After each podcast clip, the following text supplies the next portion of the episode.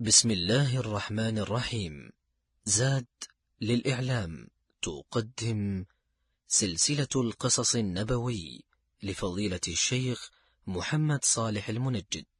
الحمد لله رب العالمين والصلاة والسلام على نبينا محمد وعلى آله وصحبه أجمعين. أيها الإخوة والأخوات السلام عليكم جميعا ورحمة الله وبركاته. ومرحبا بكم مرة أخرى مع قصة من قصص الدوح النبوي المبارك فيه خبر من قبلنا وفائدة لنا مواعظ وأحكام عبرة وتذكرة. نزيد بها إيماننا ونتعرف بها على خبر الصالحين من قبلنا. عن ابن عباس رضي الله عنهما قال قال رسول الله صلى الله عليه وسلم لما كانت الليلة التي أسري بي فيها أتت علي رائحة طيبة فقلت يا جبريل ما هذه الرائحة الطيبة؟ فقال هذه رائحة ماشطة ابنة فرعون وأولادها قلت وما شأنها؟ قال بين هي تمشط ابنة فرعون ذات يوم إذ سقطت المدرى من يديها هذه الماشطة وهي المزينة للشعر خاصة ببنت فرعون هداها الله واستجابت لدعوة موسى عليه السلام ولكنها كتمت إسلامها. قال عليه الصلاة والسلام بين هي تمشط ابنة فرعون ذات يوم إذ سقطت المدرى من يديها والمدرى حديدة يسوى بها الشعر الرأس فقالت أي الماشطة مع هذا السقوط المفاجئ بسم الله. فقالت لها ابنة فرعون أبي؟ قالت لا ولكن ربي ورب أبيك الله. قالت أخبره بذلك؟ قالت نعم. فأخبرته أي أخبرت بنت فرعون أباها الطاغية عن إيمان هذه الماشطة بالله وأنها تعتقد أن لها ربا غير فرعون وكان فرعون يعلمهم بأنه ربهم الأعلى وأنه ليس لهم إله غيره.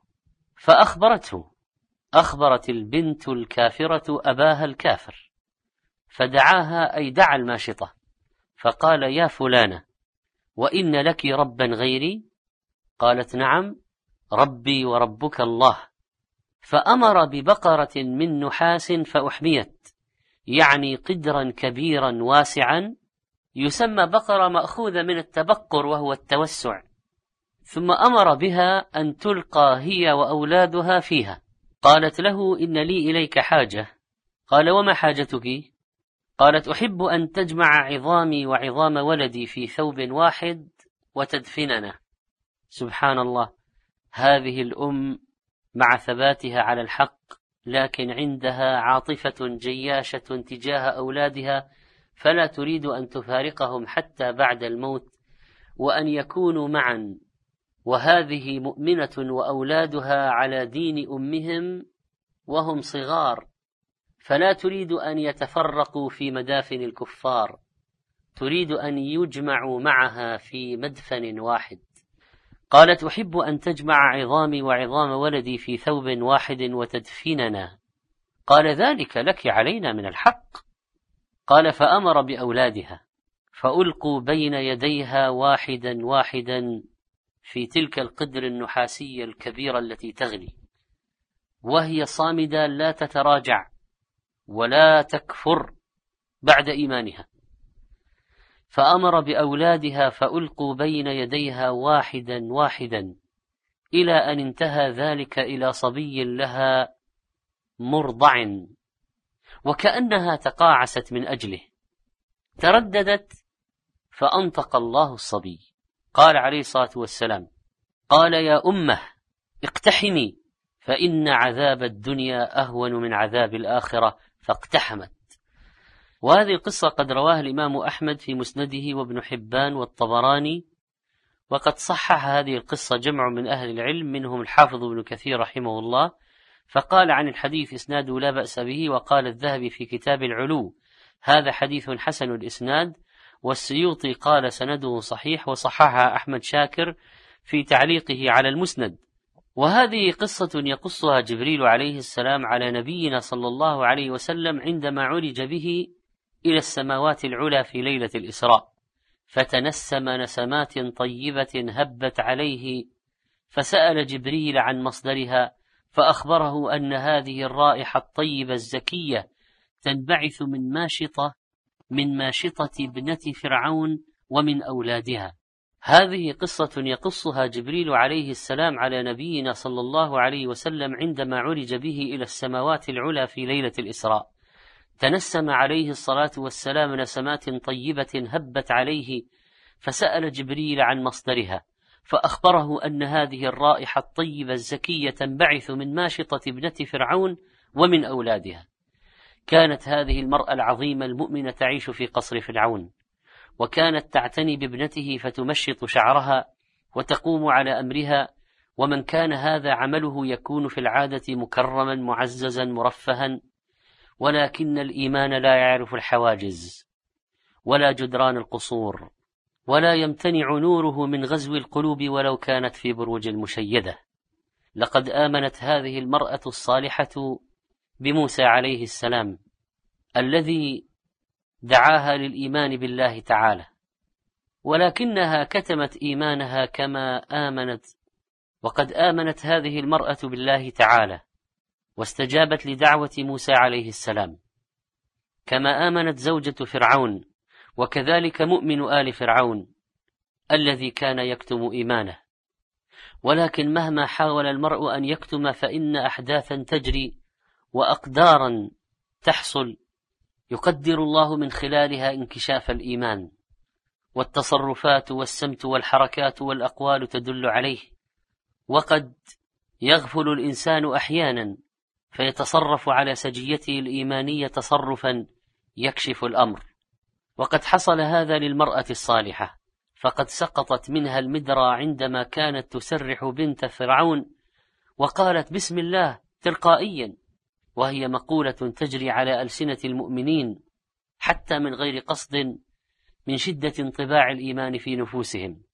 يقول أحدهم بسم الله إذا زلت قدمه أو عثر سقط أو أصابه شيء أحرق فجأة أو قطع الجلد وجرح ونحو ذلك فعجبت ابنة فرعون لمقالة الماشطة وكانت مغترة بأبيها تعتقد فيه ما ادعاه زورا وكذبا من الربوبية والإلهية فقالت لماشطتها مستفهمة أبي هو الذي تقصدين بقولك بسم الله؟ فأبت تلك المؤمنة أن تعترف بأن فرعون هو الرب أو تقر له بالألوهية الكاذبة التي يدعيها وعزمت في ذلك الموقف على التصريح والتوضيح والبيان لما استقر في نفسها رغما عن النتائج الكارثية التي يمكن أن تقع عليها وعلى أولادها وهي تعرف عن كثب بطش فرعون وجبروته. وكان واضحا من جوابها صراحتها وتحديها. قالت ربي ورب أبيك الله.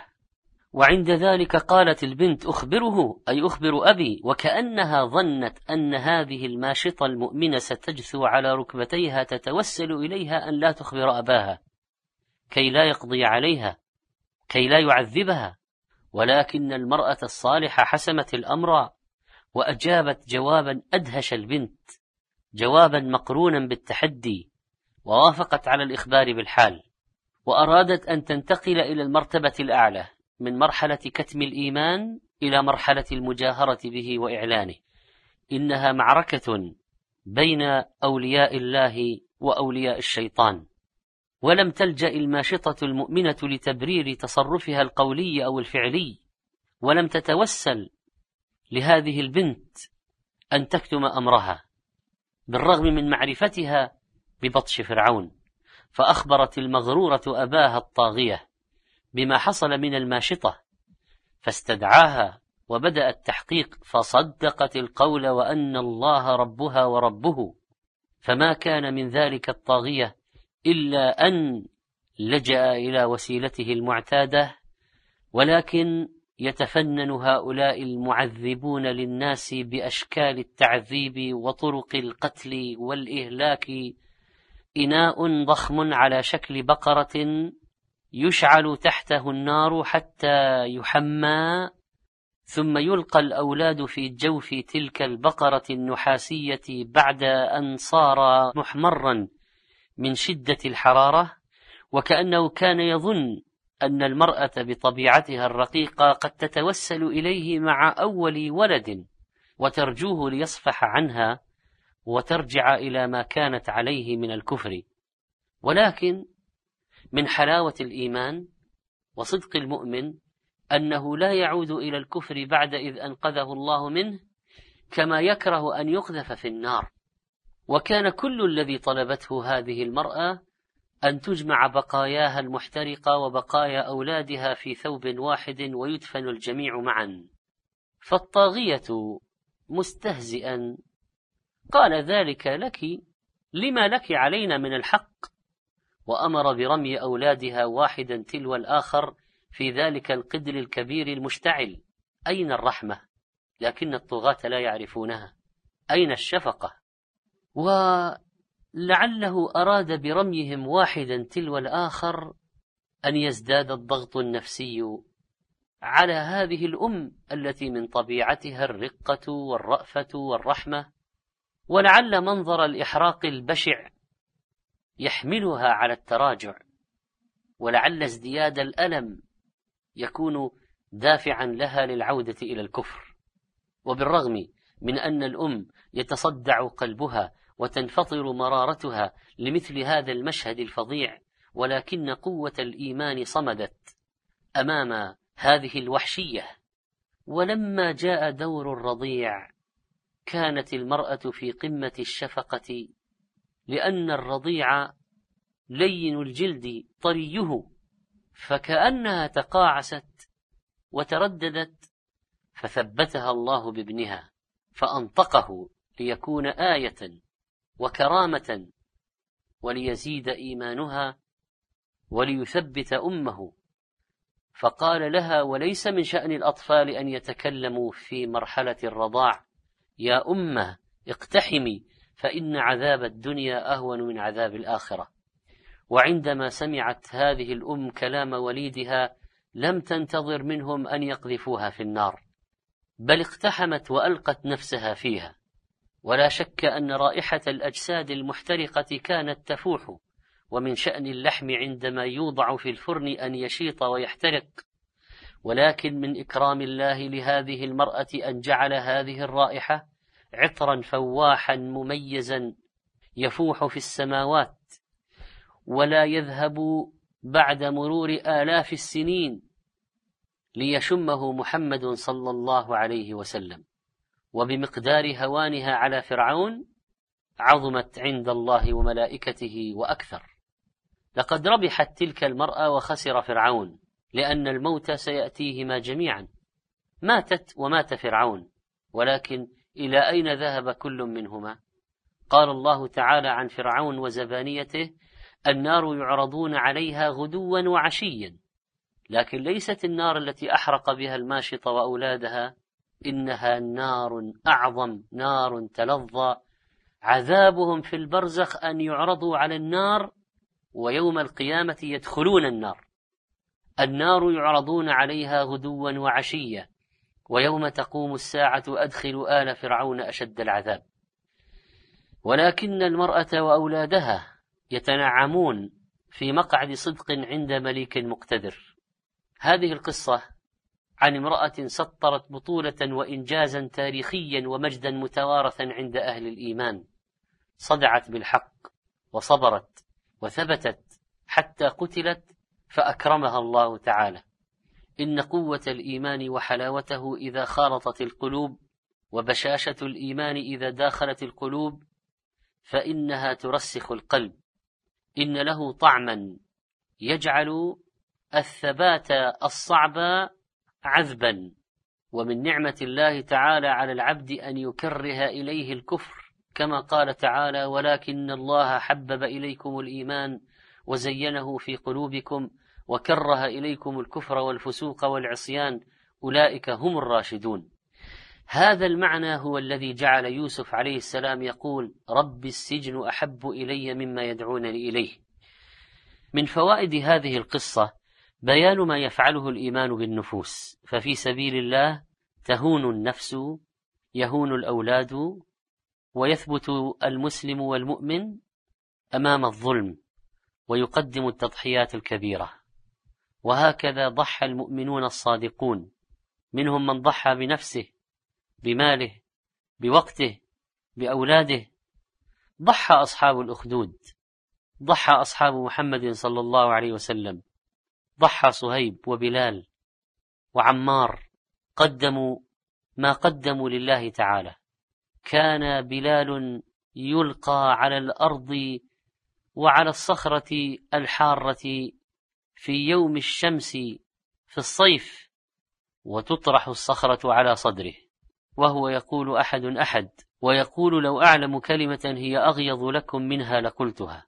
وكذلك كان عمار بن ياسر وأبوه وأمه يخرجون إلى الأبطح إذا حميت الرمضاء ليعذبوا بحر ذلك. والنبي عليه الصلاة والسلام يقول لهم صبرا آل ياسر إن موعدكم الجنة. وكان خباب بن أرت رضي الله عنه حدادا فلما أسلم عذبته مولاته بأسياخ الحديد فكانت تأتي بالحديدة المحماة ثم تطرحه عليها عاري الظهر فلا يطفئها إلا شحم ظهره إذا سال عليها. كل ذلك ليكفر بمحمد صلى الله عليه وسلم. لقد رأينا من قصة ماشطة بنت فرعون أن التثبيت بيد الله سبحانه. وأن الله عز وجل يثبت أولياءه بالقول الثابت في الحياة الدنيا وفي الآخرة وأنه عز وجل يجري من الآيات والكرامات ما يزيد الإيمان ويجعل المسلم يثبت أمام الطغيان. والله تعالى يبتلي في دينه لكي يتبين الصادق من الكاذب. ولنبلونكم حتى نعلم المجاهدين منكم والصابرين ونبلو أخباركم. وقال سبحانه ولقد فتنا الذين من قبلهم فليعلمن الله الذين صدقوا وليعلمن الكاذبين. وكل من أمر بالمعروف ونهى عن المنكر وصدع بالحق لا بد أن يبتلى ولذلك فإن عليه الصبر. يا بني أقم الصلاة وأمر بالمعروف وانهى عن المنكر واصبر على ما أصابك. المؤمن أيها الإخوة والأخوات لا يتمنى لقاء العدو ويتحاشى الاصطدام به نعم ولكن إذا صار الصدام حتميا ماذا يفعل؟ أيها الناس لا تتمنوا لقاء العدو وسلوا الله العافية فإذا لقيتموهم فاصبروا رواه البخاري ومسلم رأينا في هذه القصة إثبات كرامات الأولياء فإن الرضيع لا يتكلم لكن أنطق الله عيسى ليثبت أمة وصاحب جريج الطفل ليبرئ جريجا العابد المتهم البريء وابن صاحبة الأخدود ليثبت أمه والرضيع الذي رأى فارسا جبارا ليبين الحق لأمه وهذا الطفل في قصة هذه الماشطة المؤمنة. يجوز للمسلم أن يكتم إيمانه في البيئة الكافرة إذا كان يخشى على نفسه الأذى الذي لا يطيقه ولا يستطيع الخروج منها. هذا مستضعف. لكن عليه أن يسعى في تخليص نفسه بالهجرة من القرية الظالم أهلها. والمسلم لا يحقر دوره ومكانته وإن كان ثانويا. هذه ماشطة بنت فرعون قدمت نفسها وأولادها لله. كانت مجرد ماشطة لكن صارت جزءا من التاريخ. ونرى أن الجزاء من جنس العمل. فهذه المرأة لما انبعثت روائح احتراق الأجساد منها ومن أولادها كان المقابل رائحة طيبة عطرة تفوح في السماوات العلى. ونظرة فقهية في قضية حفظ رفاة المسلم بعد موته وأن بقايا الجسد لو احترق مثلا فإنه يجمع ويصان ويدفن ولا يبعثر ويرمى لا في القمامة ولا يذر كما يفعل الضالون يحرقون الأجساد ويذرونها في الهواء وإنما تجمع البقايا وتدفن.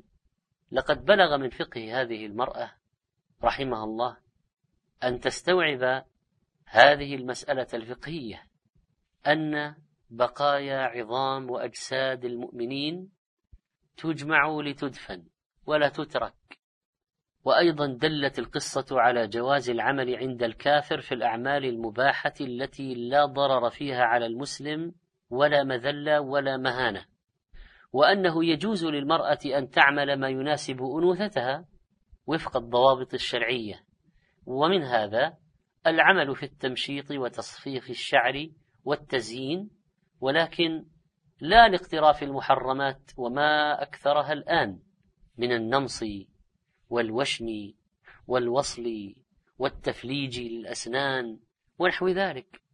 وأما استئجار الماشطة والمزينة وجلبها إلى المنزل فهو أخف ضررا من الذهاب إلى هذه المحلات التي لا يؤمن فيها من تصوير خفي أو نظر إلى محرم أو منكرات تمارس أمام الجالسات وفي كثير من الأحيان لا ينكرنها. نعود مرة أخرى إلى أصل الموضوع في قضية الثبات أمام الطغيان والاعتصام بالله سبحانه وتعالى.